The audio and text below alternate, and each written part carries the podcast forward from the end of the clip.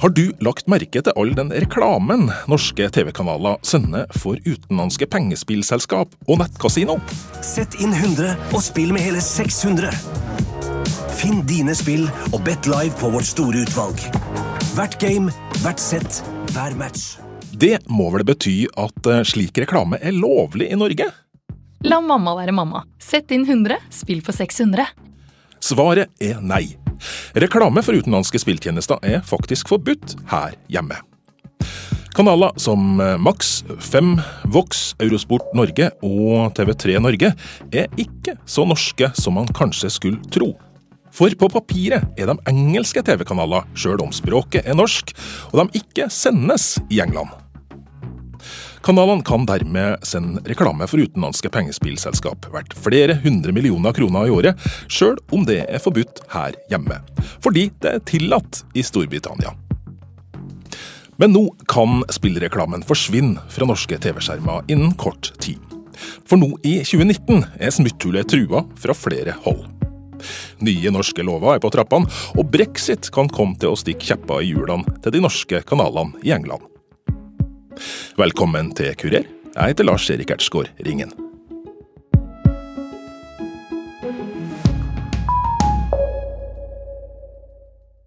TV-reklama for utenlandske spillselskap, som altså i utgangspunktet er forbudt i Norge, er gullkanta forretning for norske mediehus.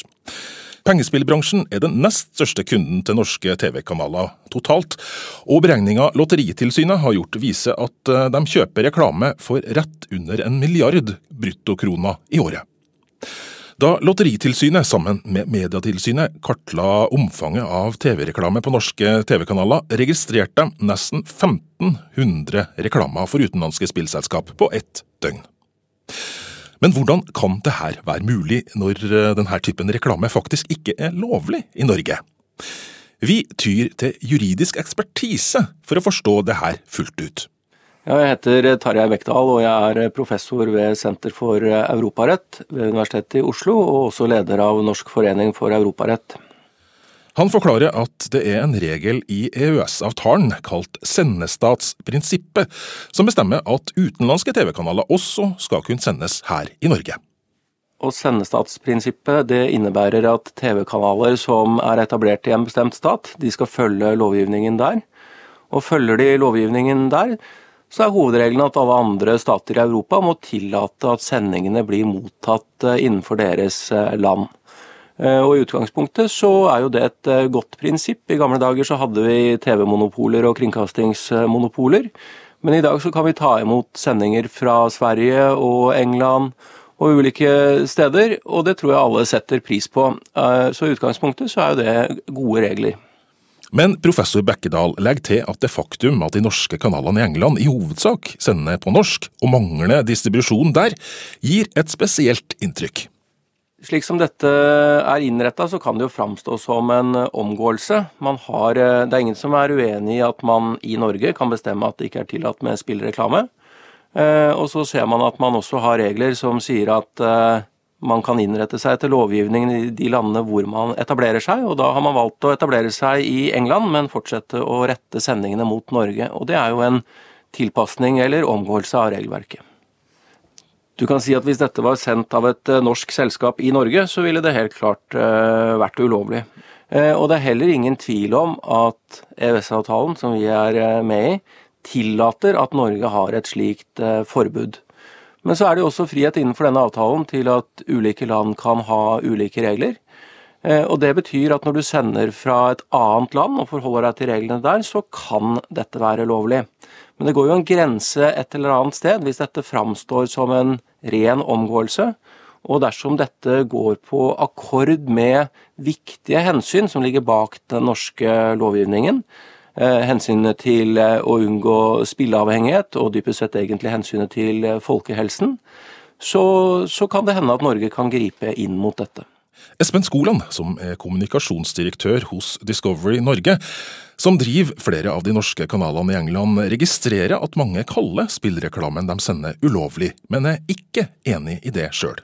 Eh, jeg har fått med meg at både Ap og KrF ofte hevder at eh, vi driver med ulovlig spillreklame. Det er jo ikke sant. Eh, dette er helt lovlig. Vi følger de reglene som gjelder for dette feltet. Norsk Tipping har monopol på spillreklame i Norge. Vi har TV-kanaler som sender fra London og England. Pernille Huseby, som er generalsekretær i rusfeltets samarbeidsorgan Aktis, som arbeider for å redusere de skadene pengespill påfører samfunnet, har et helt annet syn. Ja, de bryter jo bevisst eh, norsk eh, lov eh, og prøver å komme seg inn på det norske markedet.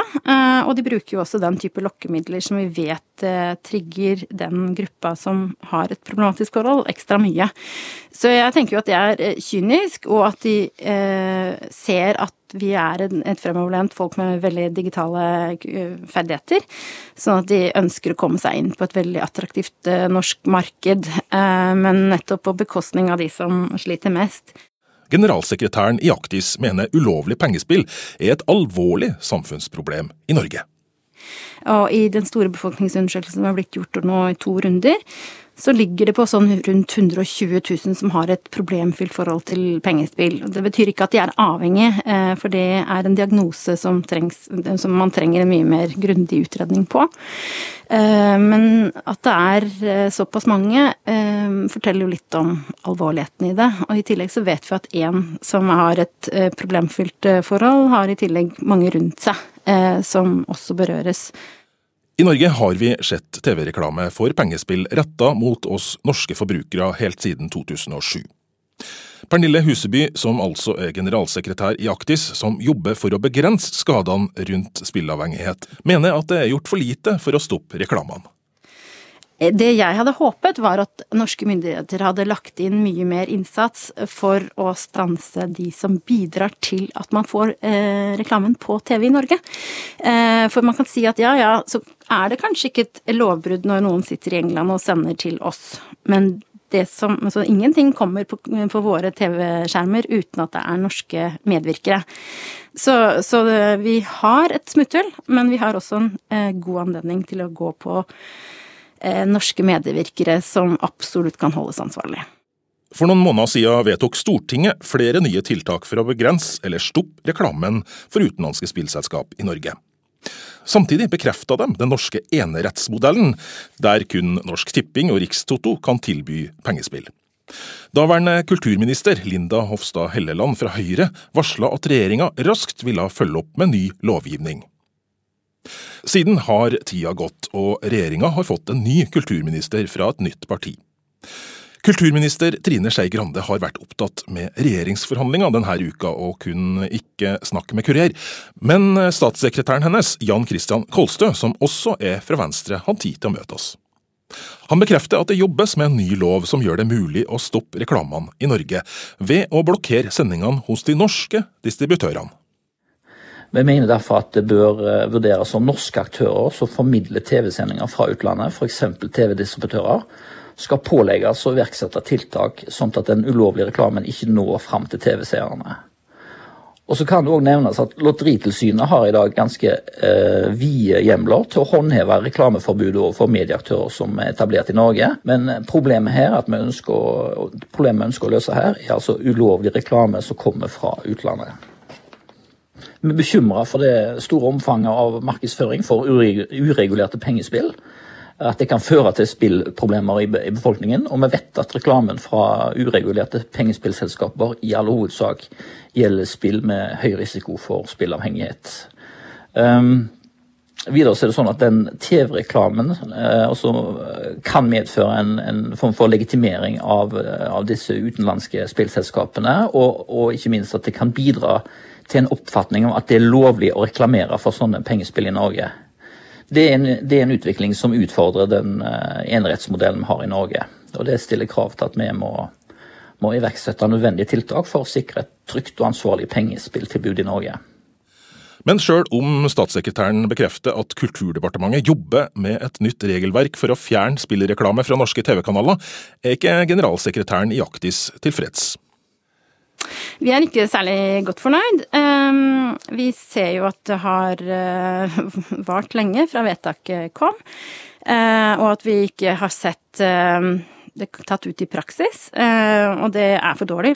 Og hvis de hadde ønsket å gjøre noe, så hadde det kunnet gå litt raskere. Men vi har jo en regjering, eller i hvert fall hadde i de tre trepartiregjeringen som var som har vært dette siste året, som har vært veldig ambivalente. Altså de har de, de landet ned på en enerettsmodell, men de har jo, har jo vært ikke fullt så Det er ikke alle partiene som er like pådriver for det, eh, for å beholde enerettsmodellen, eh, blant annet Venstre, med kulturministeren.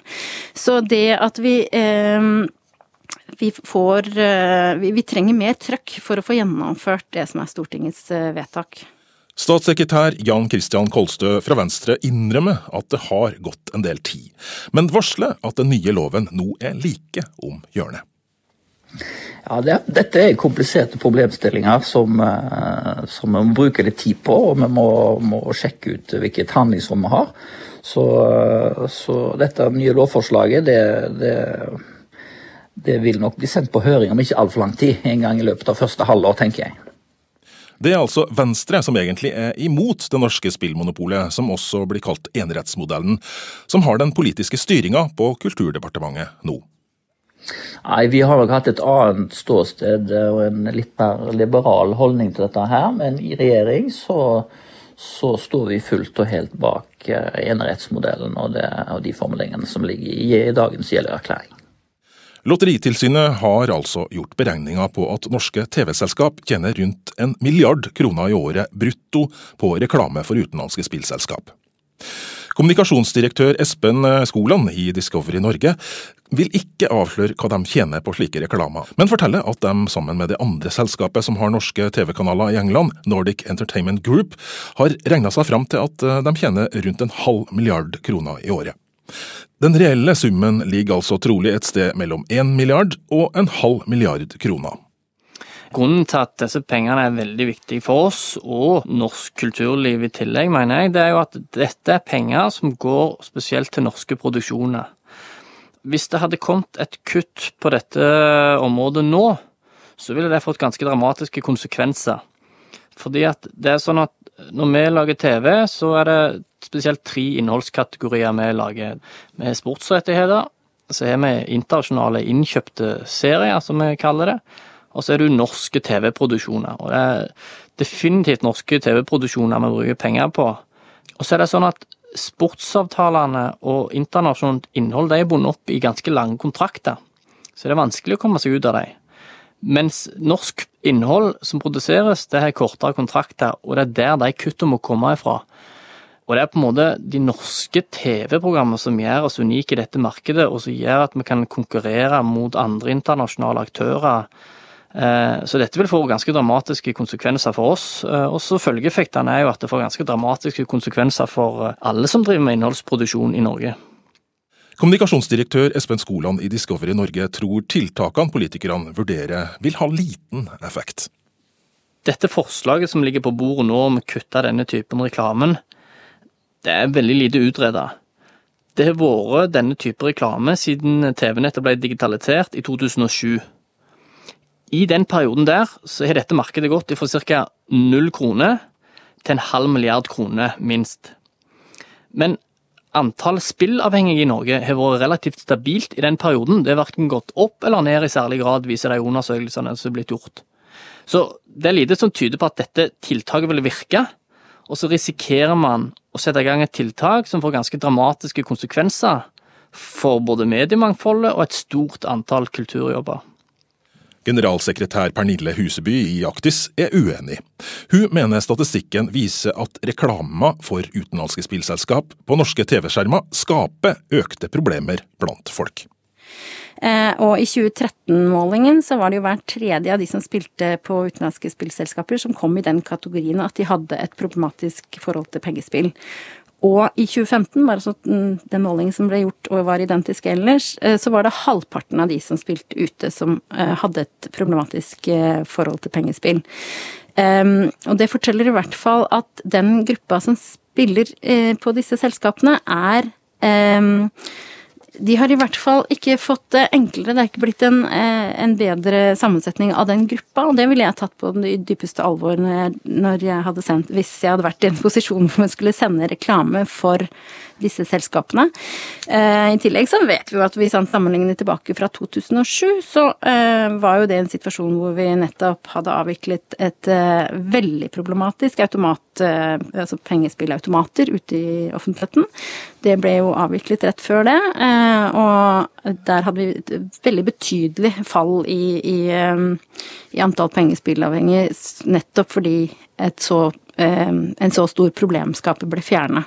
Det at vi fjernet en så eh, konkret og eh, eh spillproblemdrivende eh, faktor som eh, automatene var, gjorde at vi fikk et positivt veldig markant dropp i mennesker som hadde problemer med pengespill. Og når han da viser til akkurat det tidspunktet hvor vi hadde fått den droppen, så, så kan vi jo si at det, det, det, er, det, er, ekstremt mange andre faktorer som var i spill akkurat på det tidspunktet han ser på, ser på, ser på som et nullpunkt.